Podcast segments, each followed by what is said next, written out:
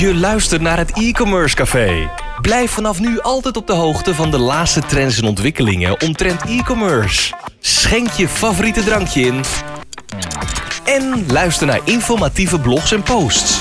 Leer van andere succesvolle e-commerce ondernemers. En blijf op de hoogte van de laatste ontwikkelingen. Hier is uw host, Dries de Gelder. Hoi, wat leuk dat je weer luistert. Vandaag hebben we echt een bijzondere podcast met Johan de Wit.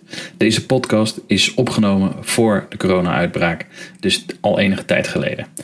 Uh, je kan Johan ook al gehoord hebben in een eerdere podcast. Deze podcast ging speciaal over ondernemen tijdens het coronacrisis en wat moeten we verwachten, waar kunnen we op inspelen en dat soort zaken. Desalniettemin is het echt een waanzinnig gesprek geworden. Maar voordat we naar de uitzending gaan van, uh, met Johan de Wit, wil ik graag mijn dank uitspreken aan onze sponsor voor het mede mogelijk maken van deze podcast. De podcast van vandaag wordt mede mogelijk gemaakt door Spotler, e-mail marketing automation speciaal voor webshops. Ga voor meer informatie over de mogelijkheden van Spotler naar spotler.com/e-commerce. En dan nu naar het gesprek met Johan de Wit. Nou, uh, Johan, we zijn live. Yes, leuk. Ja, toch? Ja, zin in. Johan de Wit van, uh, nou hier staat het hè, pricesearch.io. Yes. Ja, klopt. Leuk man, ik wil er dadelijk alles van weten natuurlijk. Komt helemaal goed. Ik zal je eerst even kort introduceren. Ik heb alleen uh, mijn slot op aan het begin zetten. Nu zit het goed. Uh, je bent getrouwd. Met Klopt. Carola. Ja. Leuke dame. Uh, je bent eigenaar van een Noordhaven. Noordhaven. Ja, ik zeg Noordhaven, maar internationaal is het vaak automatisch Noordhaven. Oké. Okay. En daar helpen jullie tech en SaaS companies. Ja. Interessant. Je bent co-founder van PriceSearch. Yes. Dus daar gaan we het vandaag over hebben. Je hebt zelf ook een podcast. SaaS-bazen. Ja. En Digital Minimalist. Ja, het is een project geweest wat ik een jaar geleden, anderhalf jaar geleden heb gedaan. Dat zag ik eigenlijk meer als een soort van privéproject. Ik uh, experimenteer graag. En dat was eigenlijk een uh, periode van een jaar waarin ik uh, mijn ja, technologiegebruik is, op de proef wilde stellen. Dus dat heb ik gedocumenteerd in twaalf podcasts en wat artikeltjes. Oké, okay. dat blijft bij die twaalf? Ja, ja, absoluut. Ja, een hele leuke tijd geweest. Was ook echt, uh, ik wilde ook dat het een kop en een staart had. Dus ik heb dat precies een jaar gedaan. Uh, in dat jaar heel veel uh, interessante mensen gesproken, leuke gesprekken gehad en nieuwe inzichten opgedaan. Okay. maar ja, het is niet iets wat je erbij... Ja, je maakt zelf deze podcast, dus je weet hoeveel tijd het kost. als je dat naast alle zakelijke bezigheden ook nog moet blijven doen, ja, dat is gewoon te veel. Ja, dus het was een heel leuk project. Maar, elke maand één gedaan? Ja, nou, de, de frequentie was uh, niet zo. Uh, het was, was wat iets rommeliger, uh, maar wel, ja, daar komt het op neer. Twaalf afleveringen in één jaar. Oké, okay, stoer. Ja. En wie heb je dan allemaal, wat voor gesprekken waren het? Waar ging het over? nou, het ging over digitaal minimalisme, uiteraard. Um, eigenlijk, ik wil het kort houden hoor, maar um, waar het eigenlijk op neerkwam, was dat ik in, de, in die periode heel erg merkte dat ik echt gewoon zwaar verslaafd was aan alles wat digitaal was. Uh, dan heb je het over social media, maar überhaupt je telefoon. Uh, dat begon s ochtends als ik, uh, nou, je wekker gaat op je telefoon, althans bij mij. Um, en die lag naast mijn kussen en ja, je gaat je mail checken, social media. Totale onzin, maar ik deed dat. Heb je dan ook nog de slaapapp gehad? Uh, ja, heb ik ook gehad. Die, die heb ik overigens nog steeds trouwens. Oh. Um, maar uh, ik merkte gewoon dat uh, dat ging de hele dag beheersen. maar dat ging de hele dag natuurlijk door. Want ik doe eigenlijk alles in mijn werk dus ongeveer digitaal. En s'avonds als ik thuis kwam nog steeds in de auto, altijd met mijn telefoon bezig. Dus ik merkte gewoon, dit wordt echt een probleem. Want ik zit alleen nog maar aan dat ding. En ja, hoe ga ik hier vanaf komen? Uh, nou, dan ga je daarover praten. Toen merkte ik dat heel veel andere mensen daar ook last van hadden. Met name mensen ook, uh, die ook veel met kenniswerk bezig zijn. Dus die zitten heel de dag al met een mobiel en met een laptop en alles. En uh, nou ja, je komt er niet van af. Dus nou, toen raakte ik in gesprek. En ik had daar zulke leuke gesprekken dat ik dacht van ja, maar iedereen heeft dit probleem. Of een heel groot deel van de mensen heeft dit probleem. Heel veel mensen vinden het ook leuk om het over te hebben. Heel veel mensen hebben ook hulp nodig. Ik ben zeker niet degene die die hulp kan bieden. Maar als ik deze gesprekken nou eens gewoon ga opnemen en ik zet ze online, uh, gewoon op YouTube precies eigenlijk, dan, uh, nou ja, dan uh, kan ik andere mensen er weer mee helpen. En misschien doen ze er voordeel mee. nou, het is geen YouTube geworden, maar ik heb uiteindelijk besloten om dat in een podcastvorm te doen. alleen spraak en ja, dat zijn gewoon hele leuke gesprekken geweest met, nou ja, je kan zien, de podcast is gewoon nog te luisteren. met een advocaat, met een marketeer, met een time management specialist. eigenlijk allerlei verschillende mensen. Um, die uh, iets met dat onderwerp hadden, of minimalisme. Uh, ook iets wat mij heel erg uh, intrigeert altijd. en zo heb ik eigenlijk gewoon vooral heel veel interessante gesprekken gehad. En, en wat versta je onder minimalisme? Nou, minimalisme gaat eigenlijk eh, om echt eh, in, in, in alles. Dus niet zozeer alleen in digitaal, maar meer ook eh, in, in je, je spullen, in eh, je interieur thuis, in je kleding. Eh, gewoon kijken van wat heb ik absoluut, wat heb ik echt nodig, wat is de essentie. En al het andere gooi ik weg of geef ik weg of wat dan ook. Maar daar wil ik, dat wil ik niet meer. Ehm, dat was in die periode voor mij, eh, of eigenlijk in de periode daarvoor al. Ik denk dat ik drie, vier jaar geleden mee begonnen ben om veel minimalistisch te gaan leven. Dus eh, veel minder materieel en veel minder gedoe. Eh, gewoon minder commitments. En ja, dat heeft wel geleid tot gewoon veel meer overzicht, meer focus. Eh, inmiddels heb ik een aantal bedrijven naast elkaar. En ik, nou, soms voelt dat wel een beetje als conflict, want dat is niet echt een minimalistische mindset. Want dan wil je eigenlijk maar één, focus op één ding het liefst. Maar ik heb wel zo gekeken dat ik dat alle ondernemingen die ik heb of waar ik een bijdrage aan lever, dat dat eh, logisch bij elkaar past. Daar zullen we het vandaag over hebben. Een softwarebedrijf en een bedrijf dat softwarebedrijven helpt met marketing. Bijvoorbeeld, dat, dat, dat zit heel dicht bij elkaar. Ehm, je zal mij bijvoorbeeld niet zo snel een eh, autobedrijf of zo zien starten. Want die mensen zijn er ook echt serial entrepreneurs die talloze verschillende eh, Ja. bedrijven hebben. Dat ligt voor mij wat minder voor de hand. Ik ben dol op software en daar eh, blijf ik ook graag bij. Dus, Oké. eh, ja. Gaaf. ja. Interessant man. Daar wil ik daar zeker wat nog meer over hebben. Hey, dan heb je nog, eh, daar zijn we nu, in de, de Groove Studio, zeg ik het goed? ja, klopt. Ja, Groove. Ja, Gaaf man. ja. Eigenlijk het Walhalla voor mij eigenlijk. want je hebt hier een apparatuur staan waar je helemaal eng van wordt. Klopt. studio. Ja. Met, ik heb dan wel weliswaar mijn eigen apparatuur hier, daar nemen we de podcast mee op. Ja. Maar het had natuurlijk ook gewoon met jou wel getekend. ja, zeker. Ja. Gaaf. Ja. Hey, je bent ondernemer sinds 2016. December 2000. Ja, klopt. Ja, dus je bent al bijna uh, 3,5 jaar bezig. Ja. Stoer man. Hey, ehm, eh, je hebt een cadeautje voor eh, een van de luisteraars. Eh, nou, leg het zelf maar uit. En dan ga ik al uitleggen hoe ze hem kunnen winnen. Ja, top. Ja, dat is een boek, eh, uiteraard. Eh, eh, het boek Essentialism van eh, Greg McEwen. Eh, hij is er volgens mij ook in het Nederlands, maar dat moet ik even uitzoeken. Eh, dan heet hij Essentialisme, zo simpel is het. Ehm, en dat boek gaat eigenlijk nog een stap verder dan minimalisme, maar het heeft er wel mee te maken. Dus waar het concept minimalisme hebben we het kort over gehad. Essentialisme gaat eigenlijk nog meer over, en in dat boek gaat het heel erg over keuzes maken. Nou, eh, waarom is dit mijn favoriete boek? Of één van favoriete boeken? Want ik vind het moeilijk om te zeggen, ik heb één favoriet boek. Want het is vaak, in de context is het interessant. Hè? Dus is, ik denk dat er een goed boek in de juiste fase is. Het kan zijn dat ik over twee jaar een heel ander boek interessant vind. Eh, maar op dit moment, eh, en, en zeker ook de afgelopen twee jaar... want ik lees het boek regelmatig nog even terug...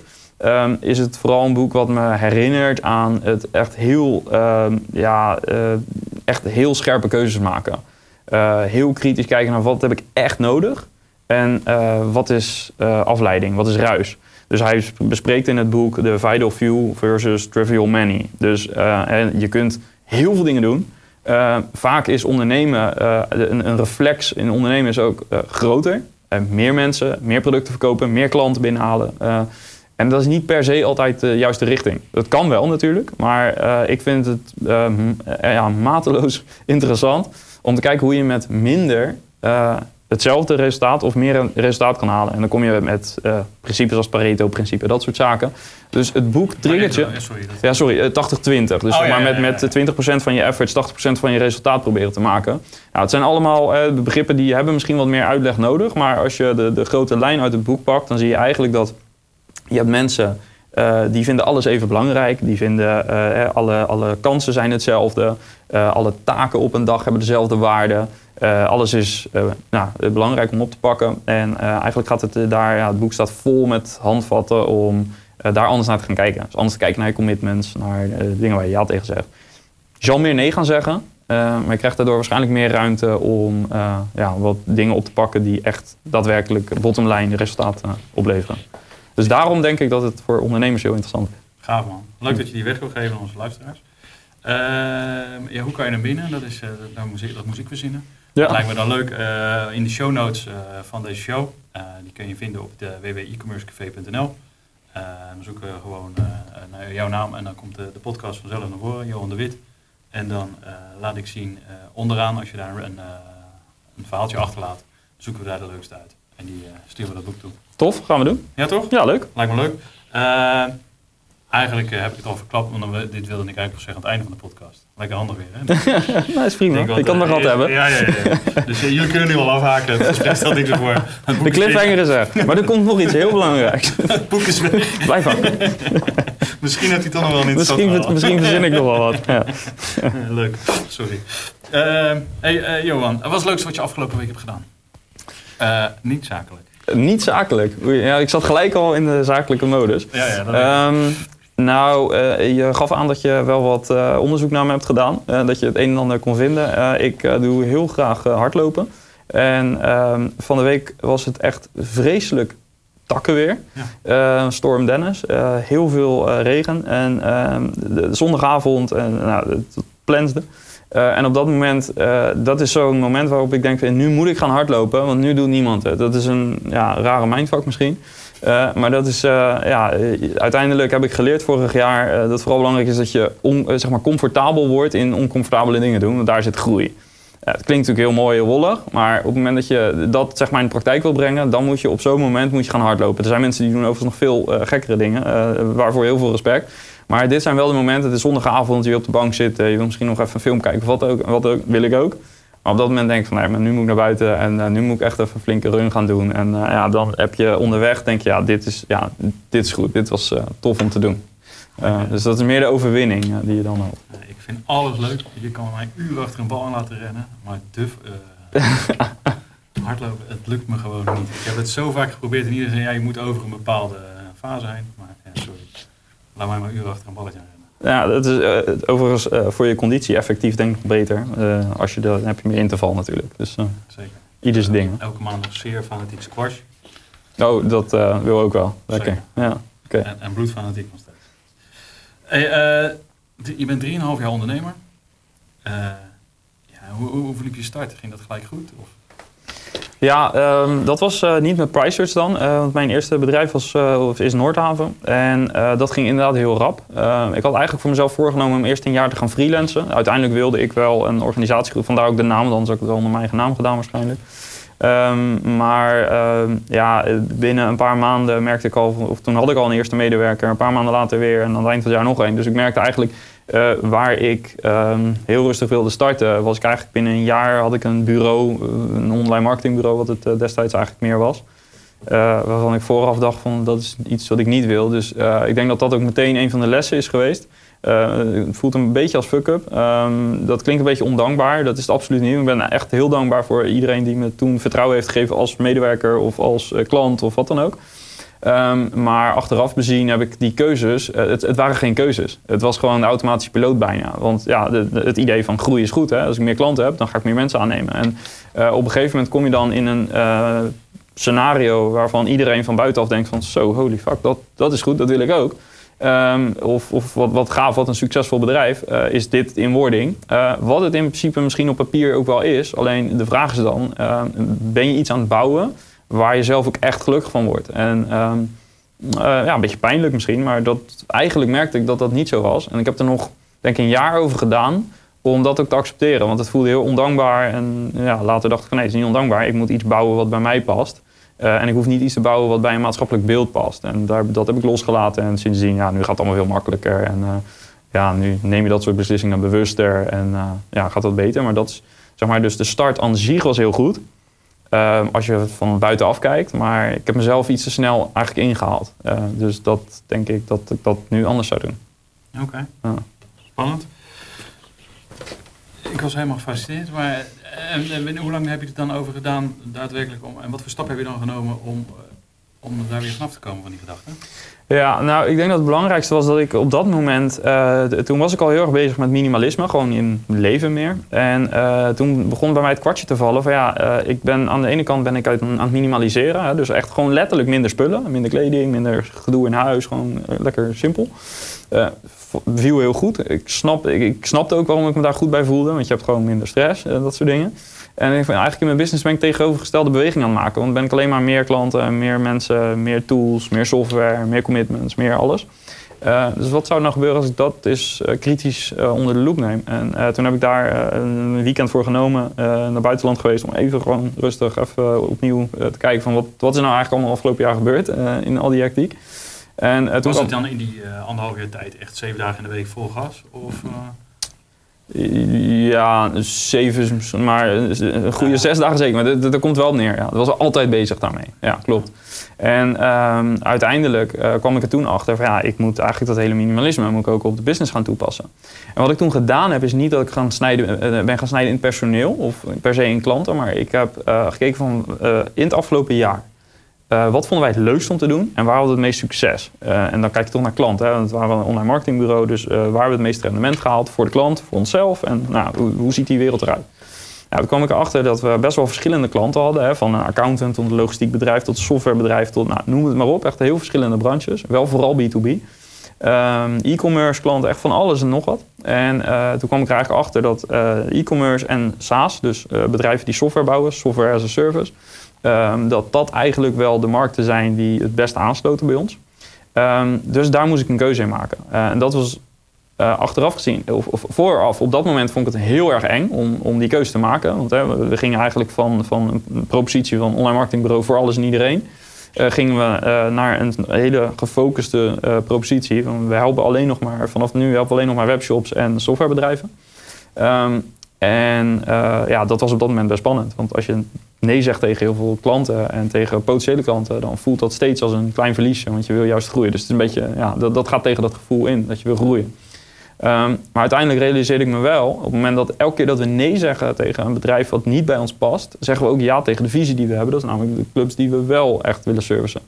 En onze leercurve gaat veel sneller, want we leren veel meer van die bedrijven waar we echt intensief mee samenwerken. Dus uh, eh, 2018 was echt een jaar om heel veel te investeren in kennis. Uh, ik ben uh, naar allerlei plekken geweest om dat te doen. Dus Dublin, conferenties, Berlijn, San Francisco, New York. Ik heb echt geprobeerd om overal informatie op te halen en, en start-ups te bezoeken. Ik heb met een aantal investeerders gesproken om gewoon te kijken van wat gebeurt er in deze markt van met name software. En daar ben ik uiteindelijk dus in 2018 eigenlijk de hele propositie op aan gaan passen. En dat hebben we eigenlijk tot de dag van vandaag hebben we dat steeds ja, specifieker eigenlijk nog vormgegeven. en op dit moment is de status, en zo blijft die ook, dat we eigenlijk alleen SaaS-bedrijven helpen, de softwarebedrijven, uh, E-commerce uh, doen we ook niet meer. Uh, niet meer in de zin van de, de webshops om die te helpen. Er zijn gewoon bureaus die zijn daar veel beter in dan wij. die zijn daar helemaal in gespecialiseerd. Wij specialiseren ons helemaal in software. Dat is ook waar ik dol op ben. En de e-commerce markt, daar heb ik natuurlijk een hele sterke link mee. Maar dat is wat je hier ziet, dat is uh, Pricer. Dus, dus, zo ben ik wel actief in beide werelden, maar wel op een iets andere manier. Zo is dat eigenlijk gelopen. Dus echt, je bent echt een niche ingegaan. Ja, echt, echt maar echt. Um, ook omdat ik zag, het is een enorme groeimarkt, de softwaremarkt, net als de e-commerce markt. En uh, ja, die softwarewereld, als wij daar goed in willen zijn, dan kunnen wij niet, uh, kunnen we het ons niet veroorloven om ook andere bedrijven te gaan helpen. Dus nogmaals heel eng, maar uh, achteraf ja, de beste keuze ever. Ja. specialiseren. Ik hoor het vaker, ik luister veel podcasts. De eerste stappen om te gaan snijden in je klanten en afscheid te nemen van bepaalde producten of groepen, maar waardoor je niche je beter je klant kan bedienen, ja. ook daardoor. Want je hebt meer kennis, je kan je klant beter bedienen, je kan wat meer vragen, je marges zijn beter. Als jouw marges beter zijn, kan je je klant vaak nog beter bedienen. Ja, en, en uh, uh, dat doe je zelf ook. Uh, e-commerce café, je, je hebt die specialisatie, die richting. je hebt minder luisteraars dan dat je misschien een business podcast had gemaakt. Gewoon algemeen over business. Um, maar de relevantie voor jouw luisteraars is zoveel malen hoger. Je, ja, dat, dat is onbetaalbaar. Ja, dat denk ik. Dat hoop ik ook. Ja, goede keuze, weet ik nu al. Oké, okay, dankjewel. We gaan het zien. Uh, ja, ik heb het volste vertrouwen in. Ja, ik ook wel. Je ziet gewoon, weet je wel, uh, de, de, de lijn is gewoon stijgende naar de luisteraars. Ja. Uh, die eerste paar weken dacht ik van, wat de fuck ben ik mee begonnen? Ja. Met drie, vier luisteraars en dat was alleen familie. deze lijn doorzetten komt helemaal goed. Dit, als je deze niche, dit is, het is ook, ook een groeimarkt. en ook een markt waar heel veel kansen liggen. ik denk dat je op een heel mooi moment instapt. Dus nou, op basis van mijn ervaring uh, zie ik het uh, heel rooskleurig in voor jou ook. En uh, een beetje dom. Ik loop al drie jaar met het plan om het te gaan doen. Alleen nooit de schoenen aangetrokken om het te gaan doen. Ja, nou ja, je, je bent er nu wel. Dat is het belangrijkste. hey, waarom ben je gaan ondernemen? Um, het woord autonomie is dan het eerste wat in me opkomt. ik vind het fijn om zelf gewoon de verantwoordelijkheid te hebben. soms ook wel eens lastig, maar ja, dat hoort erbij. Dat weet je van tevoren. Dus ja, autonomie. Lekker zelf bepalen. Ja. ja dat is uh, voor mij ook een van die redenen. Hey, uh, je hebt er al eentje genoemd. Maar als je een major fuck-up moet noemen in de laatste 3,5 jaar? Waar je echt een goede les van hebt geleerd? Ja, weet je, dat, dat klinkt een beetje ehm, raar misschien, maar echt een, uh, in die categorie denk ik niet echt eentje die ik zo kan noemen. Uh, natuurlijk heb ik honderd fouten gemaakt hoor, begrijp me goed. Um, maar um, ik denk dat als ik de vraag iets anders stel, dus wat zou ik nu echt anders gedaan hebben? ik zou veel eerder, veel selectiever geweest zijn. Um, dus nog veel eerder. Uh, kijk ook naar hoe de grote organisaties, als we het over e-commerce hebben, Coolblue, uh, Bol.com, Amazon, die hebben allemaal de beweging gemaakt, klein beginnen met boeken of met mp3 spelen.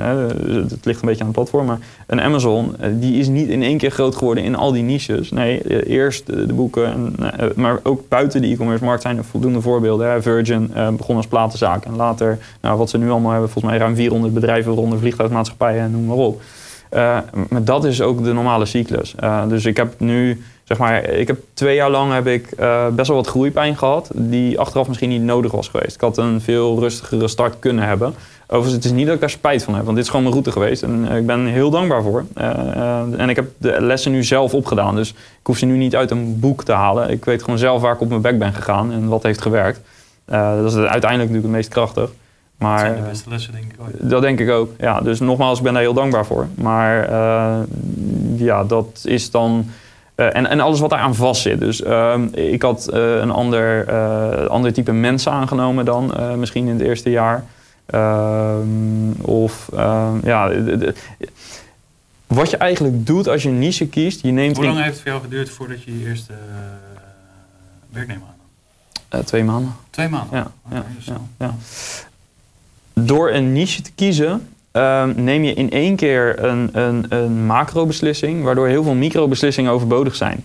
En ik heb me twee jaar lang heel druk moeten maken over allemaal van die micro-beslissingen, die achteraf eigenlijk, die nu niet meer nodig zijn. Want nu hoeven we niet meer na te denken, oh, wat doen we met een aanvraag van een accountantskantoor? Ja, niks. Dat weten we toch. Die helpen we niet. Niet omdat we het niet willen, maar die sturen we door naar een partner waarvan we denken, het past goed bij jullie. Um, uh, of we zeggen dat gewoon netjes. Um, nou, dat, dat kost geen energie, geen mentale energie of iets dergelijks. Het doet ook helemaal geen zeer meer. In het begin wel. Maar als ik hier was gestart, had ik dat denk ik allemaal voorkomen. Maar goed, ja, achteraf. Ja, in het begin moet je er ook uh, pakken wat je pakken kan, of niet? Ja, nou, dat, dat, dat, is ook zo. Um, maar um, kijk, als je alleen bent, dan heb je op zich ook niet heel veel nodig, hè, in die zin. Uh, het ligt er een beetje aan wat je verwachtingen zijn, maar ik ben in die zin, nou ja, als je minimalist bent, is dat een voordeel. Je hebt niet superveel nodig. Uh, dus dat betekent ook dat op het moment dat ik uh, minder klanten had aangenomen, had ik ook minder mensen gehad in het begin. En had ik per saldo misschien hetzelfde overgehouden. Dus achteraf een beetje lastig zeggen. Dit, dit hele relatie klinkt misschien een beetje alsof ik heel erg spijt heb van uh, dat eerste jaar. Dat is, dat is dus niet zo. Maar uh, al zou ik het nu opnieuw doen, dan had ik dat lef wel gehad. Wat ik toen ja, ja. te laat eigenlijk had. Dus als je nu een nieuw bedrijf begint, dan is kwam. Ja. En uh, je nieuwste bedrijf is Groove. Ja. Waar is daar je niche in dan? dat is vooral dus podcast, mensen die een podcast willen opnemen. Uh, en de kennisvideo's, dus uh, voor een whiteboard gaan staan en dat soort zaken. Dus eigenlijk vooral kenniswerkers. Dat is eigenlijk de groep die van ons wil afnemen. Ook daarvoor geldt hetzelfde. We hebben een studio hier, nou, we staan erin, dus je kan om je heen kijken. je kan hier, er staat een playseat, je kan hier gamen. we hebben een bioscoop setup. Je kan hier met je vrienden kan je hier een avondje film kijken. Je kunt als muziekproducent kun je hier je ding doen. je kan allemaal, we gaan het allemaal niet doen. We gaan het niet naar buiten, we gaan dat niet communiceren. Want natuurlijk kunnen we op die manier kunnen we veel meer doelgroepen bereiken, kunnen misschien nog veel meer geld verdienen. Dat gaan we niet doen.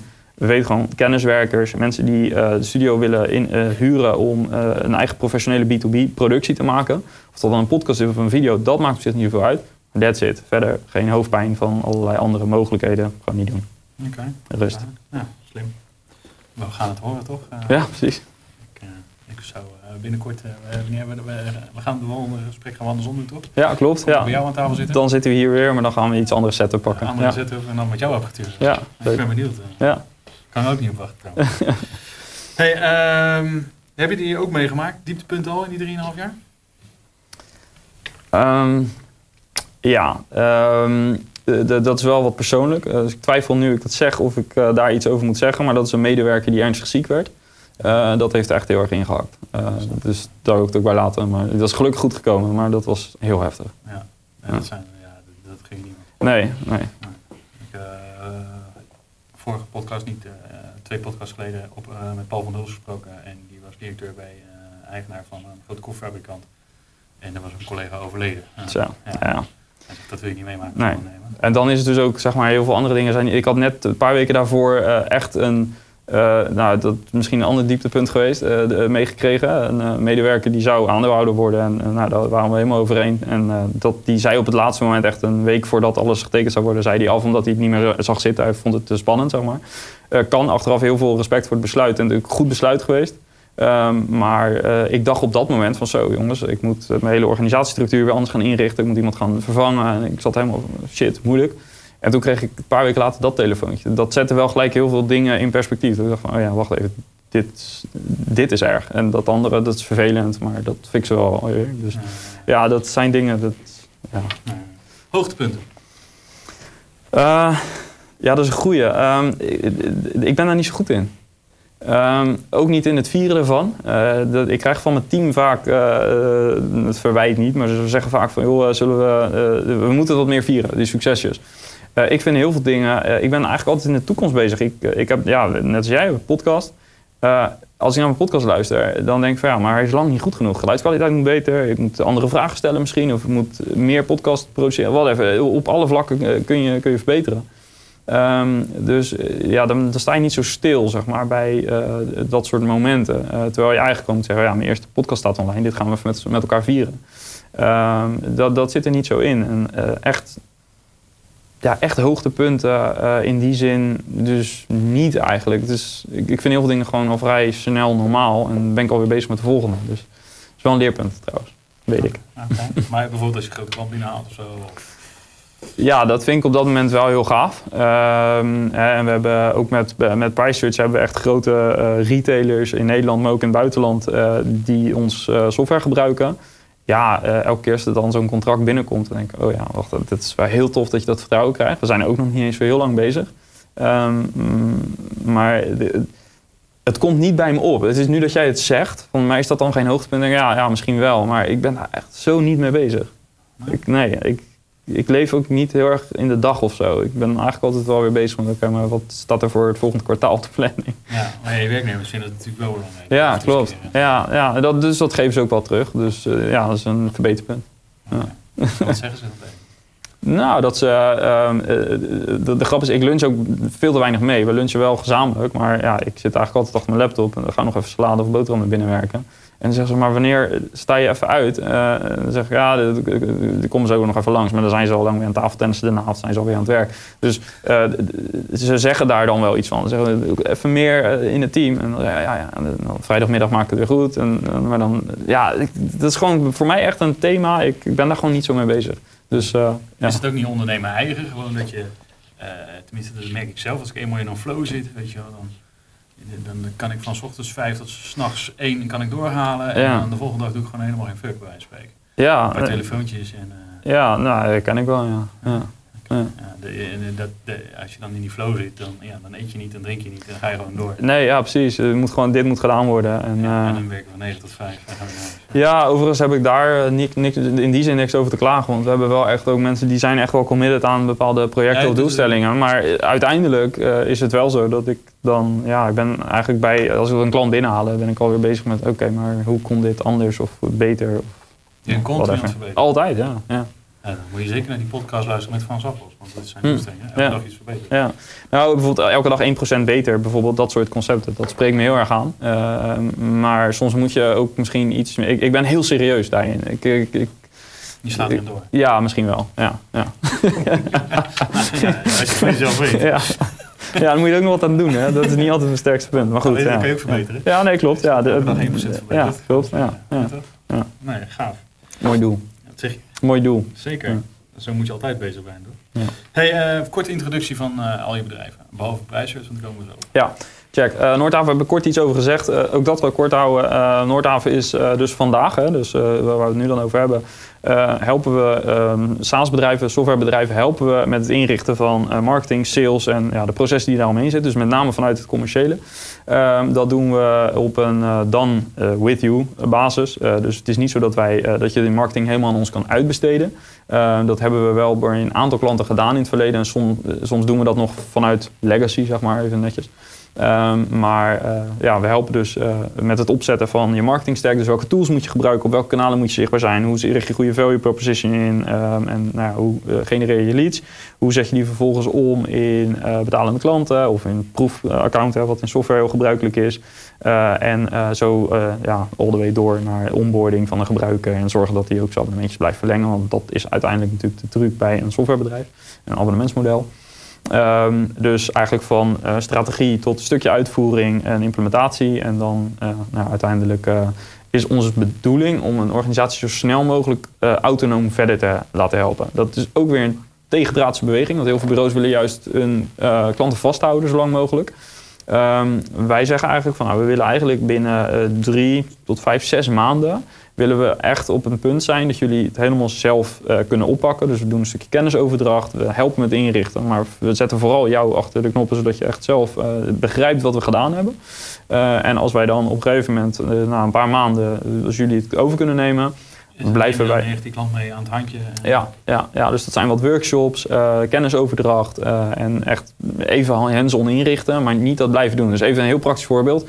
Uh, Google Ads, wij hebben een Google Ads specialist zitten, die doet een audit, die geeft zijn aanbevelingen door. Die kan het eventueel nog doorvoeren, maar dan halen we al wel in dat stadium halen we iemand van de organisatie erbij, zodat die ook kan meekijken. En uiteindelijk wat de praktijk is, is dat wij na die periode van een paar maanden, wat we vaak nodig hebben, uh, op kwartaal of maandelijkse basis uh, even meekijken. Even tijdens uh, soms een aandeelhoudersvergadering dat we daarbij zitten. bij andere situaties zitten wij even bij het marketingteam. doen we even een videocall elke maand om even te kijken van oké, hoe is het met die marketing funnels? zijn de tools nog goed ingericht? Of ook heel vaak, omdat wij natuurlijk bij heel veel bedrijven dit doen, ja, dat we nieuwe inzichten hebben. Dus als we iets bij klant A hebben gezien, nee dat werkt, en daar LinkedIn moeten we dit doen. Uh, dan kunnen we dat dan even delen in dat overleg. En dan hoeven we vaak alleen maar in een paar, in, op een A4'tje te beschrijven van dit is ongeveer wat we, wat we daar gedaan hebben en dit zou in jullie situatie de vertaalslag zijn. Uh, en uh, nou, laten we daar deze maand mee aan de slag gaan. En daar hebben we dan gewoon deliverables bij. Zeggen we, nou, dit moet je ongeveer doen. Gewoon heel actionable. En dat is eigenlijk nu het model. dat bevalt heel goed. Daarnaast hebben we SaaS-bazen, dat is de community. Het is begonnen met een podcast, maar we lanceren deze maand een community, dus dat is deze week. Um, we hebben dat, uh, het begint nu als online community, waarin we SaaS-bazen, zo noemen ze, de, eh, de eigenaren en de oprichters van softwarebedrijven, die kunnen daar in contact komen met andere SaaS-bazen om te chatten, om artikelen te schrijven, te delen, polls, allerlei posts. Dus echt kennis en ervaringen delen. en daarnaast zullen we daar live events gaan doen, zoals nou een, een video, een webinar, dat soort zaken. Dus dat is eigenlijk wat we daarmee doen. Groove hebben we het over gehad, hè? dat is deze studio. Uh, ja, die heeft bijna geen uitleg nodig uh, verder. Nee. dat is gewoon de multifunctionele studio die je op jouw manier kan gebruiken om je audio- of videoproductie te maken. En ja, dan hebben we Price Search, uiteraard. Wat is dat? Ja, die had ik kunnen verwachten. Ja, uh, ja PriceSearch is een uh, online uh, tool voor, om, om de prijzen van je concurrenten op te halen. De, de, heel plat gezegd is het een scraper. Ehm, dus even vertaalslag naar de meeste van jouw luisteraars. Je hebt een webshop, je verkoopt een stoel voor 90 euro. je koopt hem in voor 40 en uh, op dat moment uh, wil je weten van oké, deze stoel staat ook ergens op een andere website. En uh, ik wil weten wat er daar met de prijs gebeurt. bij ons is die 90 en als mijn concurrent hem op 85 zet, dan wil ik ook naar 85. Of ik wil naar 87,5 of ik wil naar 79. net welke prijsstrategie je hebt. Hè. dat kun je... Nog steeds, duurder. Of duurder, kan ook. Uh, ook? Uh, ja, we hebben, nou, duurder. We hebben klanten die, uh, want, want dit is een use case, dat je uh, zakt met je prijs. Mm -hmm. Maar net zo goed zijn er klanten die zeggen van ja, nee, maar wij willen vooral weten van waar ligt de ruimte in de marge. Want op het moment dat wij handmatig bij onze concurrenten, want zo gaat het vaak, hè, als je zo'n tool niet hebt. We zitten in Excel, daar, elke week gaat onze stagiair daar een dag mee aan de slag. Nou ja, dan zet hij alle prijzen van de tien concurrenten op een rijtje. Heel veel tijd, heel veel werk. En het is ook nooit echt heel erg actueel. dus we missen ook, op het moment dat de prijzen in de markt weer iets omhoog gaan dan hebben wij onze prijs handmatig naar beneden gezet. Maar ja, we vragen dus veel te weinig voor het product. Dus we verkopen er opeens heel veel van. Ja, dat is niet zo heel gek, want we missen bijvoorbeeld op deze stoel opeens 15 euro per stoel. Uh, nou, onze software die helpt je ook daarbij. Dus het is niet zozeer dat je een laagste prijsgarantie of iets dergelijks wil hebben. Het is meer, de tool helpt je om alle prijzen op je scherm te krijgen. zeg maar even denkbeeldig. En kan ook letterlijk, maar dat moet je niet willen in heel veel webshops. Dus het wordt gewoon opgehaald. En uh, op het moment dat je zegt van nou, dit is mijn inkoopprijs, dus uh, ik wil inkoopprijs plus x percentage marge, daar mag in ieder geval nooit onder. Dus die marge moet je sowieso bewaken. Uh, tot dat moment mag je altijd mee naar beneden en rond het af op 5 cent bijvoorbeeld. dat zou bijvoorbeeld een scenario kunnen zijn. Maar er zijn ook genoeg webshops die zeggen: ja, maar wij gaan niet de laagste prijsgarantie bieden. Dat is voor ons niet belangrijk, maar we willen wel een beetje het gemiddelde in de gaten houden. En we willen in dat gemiddelde, in die hoek willen we zitten. Nou, prima. Daarnaast zijn er ook heel veel bedrijven die uh, het niet gebruiken om hun prijs automatisch te laten aanpassen. Maar die willen gewoon simpelweg weten waar sta ik. Dan heb je een dashboard en dan zie je van nou, we zitten met die productcategorieën zitten we een beetje aan de duurdere kant. Die productcategorieën zitten we heel competitief. Uh, dus het is ook, kan ook echt een tool zijn voor gewoon alleen inzicht. dus het hoeft niet per se dat je ook daadwerkelijk die data meteen omzet naar een, een aangepast resultaat in je webshop. Dat is ja, per webshop verschillend ik heb met een aantal gewerkt bij mijn vorige werkgever. Hm. Dat was fabrikant van erotische artikelen. Ja. En die, ja, die, die producten lagen over de hele wereld. En die gingen over allerlei bedragen gingen die over de toonbank heen. Ja. En we wilden als fabrikant gewoon graag in het zicht hebben. Ja. Wat wordt er nou voor onze producten gevraagd? Ja. Wij hebben... Maar ja, dat, ik ben bezig geweest met die tool, maar met het verschillende. Ik heb er een stuk of twintig geprobeerd. En ik werd helemaal gek van.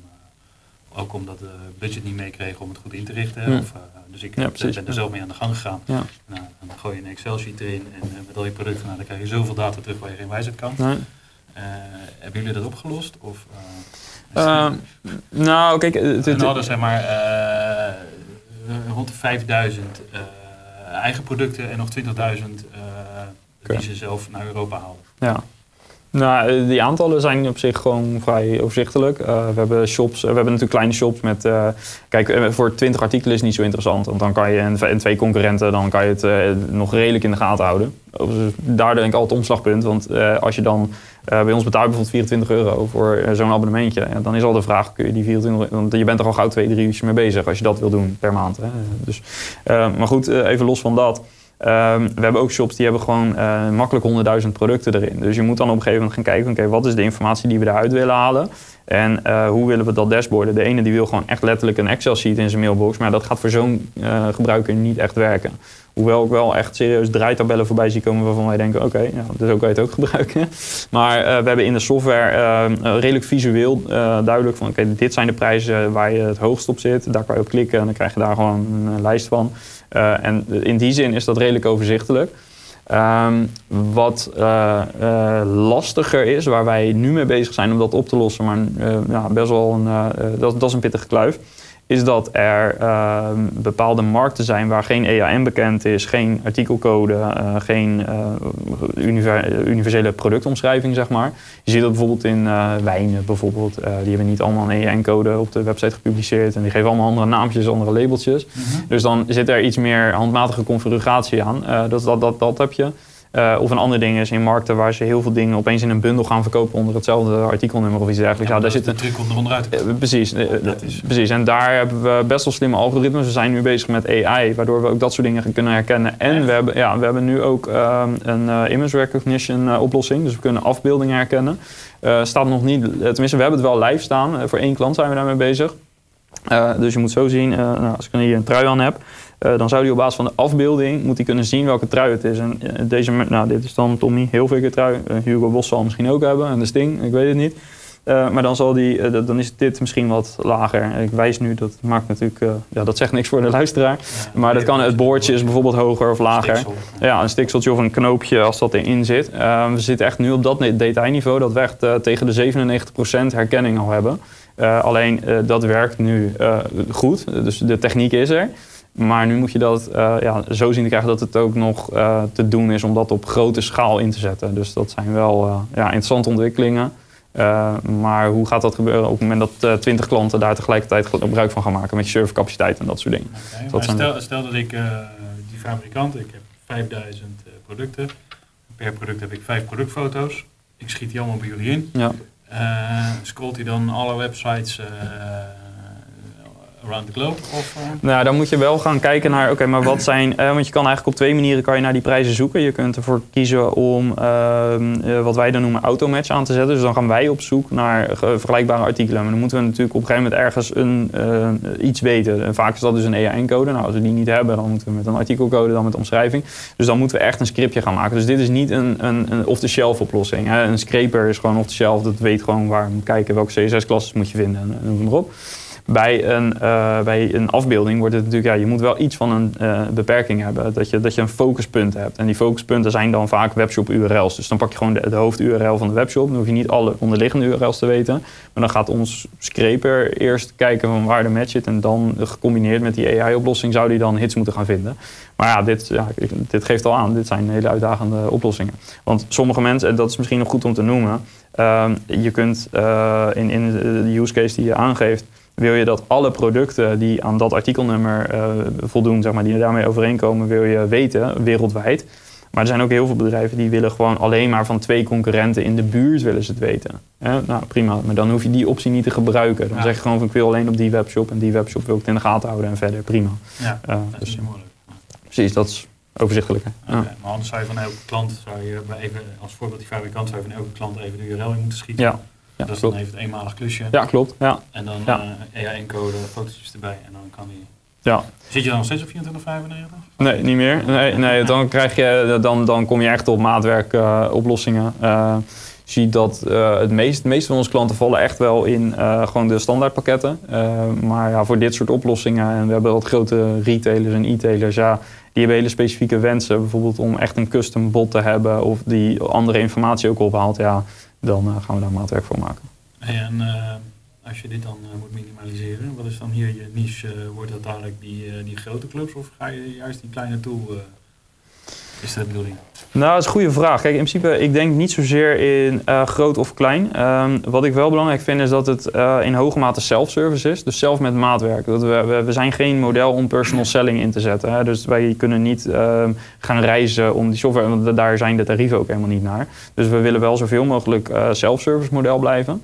En daarnaast, uh, onze focus is uh, in die zin, klinkt een beetje flauw, maar is e-commerce. En in principe alles met uh, artikelen die wij kunnen screpen. Um, wij hebben bijvoorbeeld, wij krijgen verzoeken van, laatst kregen we van een, een golfkoord, een golfbaan in Noorwegen, kregen we de vraag of, hun, of, of we in Europa een soort van, ze waren met concurrentieanalyse bezig. En zij wilden dat wij alle prijzen van andere golfbanen in Europa gingen benchmarken, zeg maar, dus gingen ophalen. Ja, daarvan hebben we gezegd, tuurlijk kan het. Maar dat, dan gaan wij ook een ontwikkelaar erop zetten. En die gaat dan gewoon uh, al die websites bij elkaar zoeken. En die kan wel iets automatiseren. Maar ja, dit is niet een use case die we gaan doen. Dus dat is dan waarvan we zeggen, nou, doen we niet. Uh, dat heeft voor ons gewoon geen enkele zin. Maar in theorie zou het dus kunnen. Dus, maar daarvan zeggen we, het kan wel, maar willen we het? Nee, dus doen we het niet. Ja, als fabrikant zijn, terug even beelden die wil natuurlijk gewoon eigenlijk niet, uh, het interesseert mij geen reet waar die producten voor verkocht worden. Want hij mag niks over prijs zeggen. Nee, precies. Nee. Maar hij zou wel graag willen weten, oké, wie gaat er over die lijn heen? Uh, wat ja, niet is afgesproken. Dit is een hele bekende discussie, die, die vraag die krijgen wij ook best wel vaak. Uh, mag een uh, fabrikant uh, zijn dealernetwerk, dat ze een bepaalde verkoopprijs afdwingen? Nou, dat mag niet, maar ja, heel veel willen toch. dus wij zeggen, ja, we faciliteren je, we geven je de data. dus dit is wat er in de markt gebeurt en doe ermee wat je wil. dat, ja, zo Je kan dan ook zo inzetten van, uh, oké, weet je wel, deze gaat echt onder die lijn door, dat er een signaaltje komt of zo? Of? Ja, we kunnen notificaties instellen uh, op productniveau of wat dan ook. Ja. Okay. ja. Want het is ver van mijn bedshow, maar zoveel zoeke verhalen meegemaakt daar zo met klanten onderling ook van, ja, die gaat er weer een half ja, ja. Ja, uh, ik heb zelf verschillende webshops, heb ik natuurlijk uh, de marketing voor gedaan of uh, zelfs gehad. En dat is altijd een discussie. ja, bepaalde producten, ik, ik, ik, ik, weet niet of ik het mag noemen, maar bijvoorbeeld een, nou, een bepaalde merknamen, een Weber, bijvoorbeeld die barbecues. Ja, ik weet dat zij bijvoorbeeld heel scherp op hun verkoopprijzen zitten. Die willen niet dat er heel erg mee gestund wordt. Ja, wat je dan krijgt, dan doen ze, gaan ze niet mee stunten. Maar dan geven ze een accessoire van 20 euro weg, waardoor je alsnog als consument weer korting hebt. Dus ja, zo vinden die dealers vinden altijd wel iets. en ja, dat is in principe, ja, dat klinkt misschien een beetje makkelijk, maar dat, dat is niet aan ons. wij faciliteren de tool om dingen inzichtelijk te krijgen. En vanaf dat moment kun je als, of als ja, producent of als webshop daar bepaalde conclusies aan, aan ja, uittrekken en daarna handelen. Ja, dat is een mooi voorbeeld van, van een Rotterdams bedrijf. Die haalde de, de Canons, de fotocamera's zeg maar. Daar draaide die de lens van los in een apart doosje. Ja, ja, ja. En dan kostte die camera was altijd goedkoopst in Nederland. En dan echt met honderden euro's verschil. Ja. ja, dit soort dingen kun je nooit helemaal voorkomen nee, dan. Nee. nee. maar klopt. Eh, weet het, een mediamarkt of die grote bedrijven kunnen dat toch niet. Dan moet je nee. wel redelijk klein zijn. Klopt, ja. Geen duizenden verkopen. Nee, anders is het snel gedaan. Dat lukt nog wel. Ja. Maar anders uh, ja. gaat het toch gauw de andere kant. Ja. Is het eigenlijk uh, legaal uh, price escaping? Ja, ja, uh, ja, dat is eigenlijk het simpele antwoord. Ja, het is legaal. Uh, overigens, ook, denk je? Of? ja, dat denk ik wel. Kijk, uiteindelijk als je het een beetje plat slaat, is het gewoon, je haalt informatie van een website. Uh, overigens is er wel de vraag van ehm, wat kan wel en wat kan niet. Hè? Ehm, wij halen eh, data op. Uh, waar wij bijvoorbeeld rekening mee moeten houden, is dat we niet uh, complete websites opeens uh, leegtrekken, omdat we veel te veel verkeer op zo'n website afsturen. Dus we houden daar wel rekening mee. We hebben bijvoorbeeld de, de automatch feature waar ik het over had, is bijvoorbeeld een feature die ervoor zorgt dat je zelf eigenlijk nauwelijks meer iets hoeft te doen. Want wij halen gewoon op van welke concurrent. Dus je hoeft niet te gaan zoeken van nou, die concurrent wil ik volgen, die wil ik volgen. Nee, je wil gewoon iedereen volgen die dat product verkoopt. Ja, dat kunnen we in principe in een hele korte tijd kunnen we dat doen door gewoon maximale capaciteit erop te zetten. Maar als we dat gaan doen, dan hebben we, ja, lopen mensen uh, het risico dat hun website of webshop plat ligt. Dat willen we uiteraard niet. Dus dat begrenzen we allemaal. Dus je kunt wel. Uh, het, het, gaat denk ik niet over wat wel en niet mag. Maar het is wel wat je als bedrijf wel of niet wil en wat je fair vindt. En uh, nou, dat, op die manier kijken we daar natuurlijk wel naar. Oké. kan je je als webshop er ook tegen wapenen? Nee. Huh? Nou, niet, niet, niet in de zin van dat je het kan... Eh, dus, als ik een webshop heb, kan ik prices niet tegenhouden. Nou, kijk, er, er worden altijd wel uh, dingen geprobeerd. En we zien ook dat sommige webshops hun uh, uh, CSS-klassen of zo, hun, hun indeling zo inrichten dat een bot een keer misleid wordt of zo. Dat je naar verkeerde velden gestuurd wordt. Ja, dat kan allemaal. Dus er wordt wel eens een tegenbeweging gemaakt, maar ja, uiteindelijk, uh, je website die is openbaar. En, uh, Zeker. Uh, de, ja, wat erop staat... Maar ja, dat het is openbaar voor de consument, maar niet voor robots, toch? Nou ja, kijk, eh, je kunt daarop. En eh, je wil ook dat Google je website indexeert, want dan kom je hoger in Google. Uh, dat wil iedereen wel. En ja, natuurlijk wil je als, als consument of als, als, als webwinkelier wil je dat, daar, dat, dat jouw data beschermd wordt. maar dat heb je tot op zekere hoogte in de hand. En dit is gewoon data, het is openbaar. Kijk, het is niet anders dan die stagiair die zijn uh, Excel-sheet vult. Alleen het gaat uh, slimmer en sneller en geautomatiseerder. Ja, dat is wat bij de tijdgeest past. En uh, ja, je ziet ook dat ja, aan de toenemende vraag zien we ook dat tegenwoordig iedereen het. Dus, en daar ontstaat natuurlijk wel een interessante discussie. Hè, van welke waarde heeft het dan over twee jaar? Dat is een terechte vraag. Want op het moment dat iedereen het gaat gebruiken, dan krijg je natuurlijk op een gegeven moment een beetje een rare situatie dat je elkaar dat je om de drie seconden een andere prijs hebt. Dus daarom uh, is het ook uh, ja, heel veel uh, organisaties die wij spreken, heel veel webshops, die zijn ook helemaal niet per se bezig met de goedkoopste zijn. ik heb best wel veel gesprekken daarover, zeker omdat ik natuurlijk een marketingachtergrond heb en ook nou, ervaring heb met het adviseren van bedrijven. Um, het gaat niet alleen om prijs. natuurlijk, als je de onderzoeken volgt, zie je dat prijs een heel belangrijk onderdeel is. Maar ja, ik pak de grote voorbeelden, maar de, de, de, partijen die groot zijn geworden. Ik heb bijvoorbeeld Coolblue en Bob.com al genoemd is niet per se vanwege de prijs alleen. Het is meer een, een, een de, nou ja, de service bij Coolblue bijvoorbeeld, of een bepaald assortiment, eh, kennis, expertise, wat ervoor zorgt dat je, dat je de groei maakt. Dus ik vind ook als een. Ja, dat kan daar onderdeel van zijn. En, en eh, waar, ja, wat ik maar wil zeggen, op het moment dat je een webshop hebt, moet je eigenlijk uh, nou, je moet helemaal niks. maar ik zou altijd adviseren. Zou ja, ik, ik, zou zelf altijd adviseren om te kijken van, oké, maar waar ligt toegevoegde waarde? En toegevoegde waarde is nooit één ding. Als je kijkt bijvoorbeeld naar uh, waarom is Uber bijvoorbeeld zo groot geworden zo snel? Uh, dat is omdat ze belachelijk veel geld hebben gekregen van investeerders. Dat is één natuurlijk.